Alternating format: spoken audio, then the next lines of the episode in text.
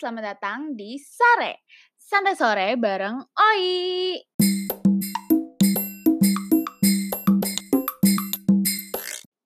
Apa kabar nih teman-teman? Gak kerasa ya kita udah hampir 3 bulan di rumah aja. Kayaknya udah gak asing sama kata-kata WFH, SFH, social distancing, PSBB, dan sebutan-sebutan lainnya yang muncul setelah adanya corona. Ngomong-ngomong soal corona, ada kabar buruk nih teman-teman. Kata penelitian, ada kemungkinan kalau corona akan berakhir tanggal 7 Oktober 2020 dan bisa aja lebih dari itu. Sedih banget gak sih? Baru masuk bulan ketiga aja kita udah bingung banget kan mau ngapain lagi, apalagi sampai Oktober nanti. Nah, di episode pertama ini gue mau bahas tentang hobi. Hobi-hobi yang baru kita temuin setelah adanya self-quarantine. Namanya manusia, pastinya masing-masing dari kita punya yang namanya survival ability, yang mana merupakan kemampuan bertahan hidup dalam keadaan sesulit apa pun, termasuk keadaan yang memaksa kita untuk terus di rumah kayak sekarang. Mungkin bukan survive secara fisik, tapi lebih ke mental kali ya, like how to stay sane in this pandemic situation. Salah satunya adalah dengan melakukan hal-hal yang mungkin baru bisa kita lakuin atau baru kita temuin setelah berdiam diri di rumah.